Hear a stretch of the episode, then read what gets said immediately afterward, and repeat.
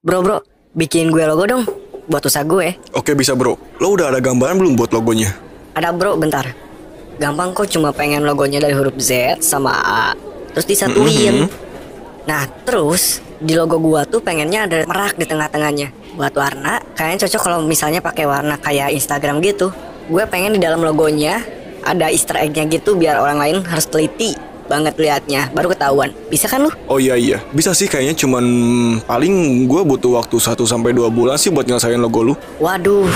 Tiga hari nggak bisa bro. Kan gampang banget. Kayaknya nggak bisa deh bro, paling dua mingguan. Itu juga kalau gue ngajak temen gue buat bantuin gue supaya cepat pengerjaannya. oh gitu. Logo gue kan simple bro. Jadi 30 ribu bisa kali ya Goblok, kalau lo bilang logo lo gampang dibikinnya, kenapa nggak lo bikin sendiri aja? Hah? Ya elah bro, 30 ribu buat dua orang selama dua minggu, anjir lo lebih lebih dari VOC bro. VOC aja kayaknya dikasih makan deh, meskipun kerja paksa.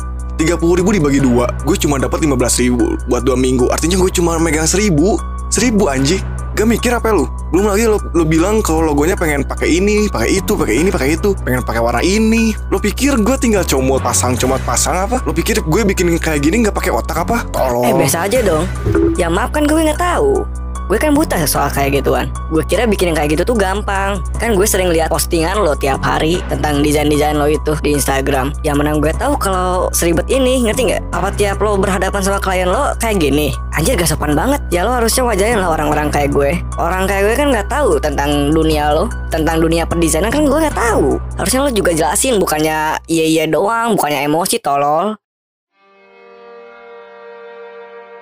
Itulah yang terjadi kalau dua orang tolol saling debat satu sama lain. Bang, lo nggak bisa ngejat gitu dong. Kan si orang desain itu bener. Ya, tapi lo juga harus dengerin dong orang yang buta tentang dunia lo. Hmm? Jangan mentang-mentang lo di tempat itu dan lo gak mau apa yang lo suka itu diremehin sama orang lain. Diremehin mah wajar bro. Sesekali kalau lo diremehin, ya udah lo jelasin apa yang lo keluhkan, jangan pakai emosi. Kalau masih belum mengerti, masih nyolot, ya udahlah, cuekin aja. Hidup mah jangan dibawa ribet bro.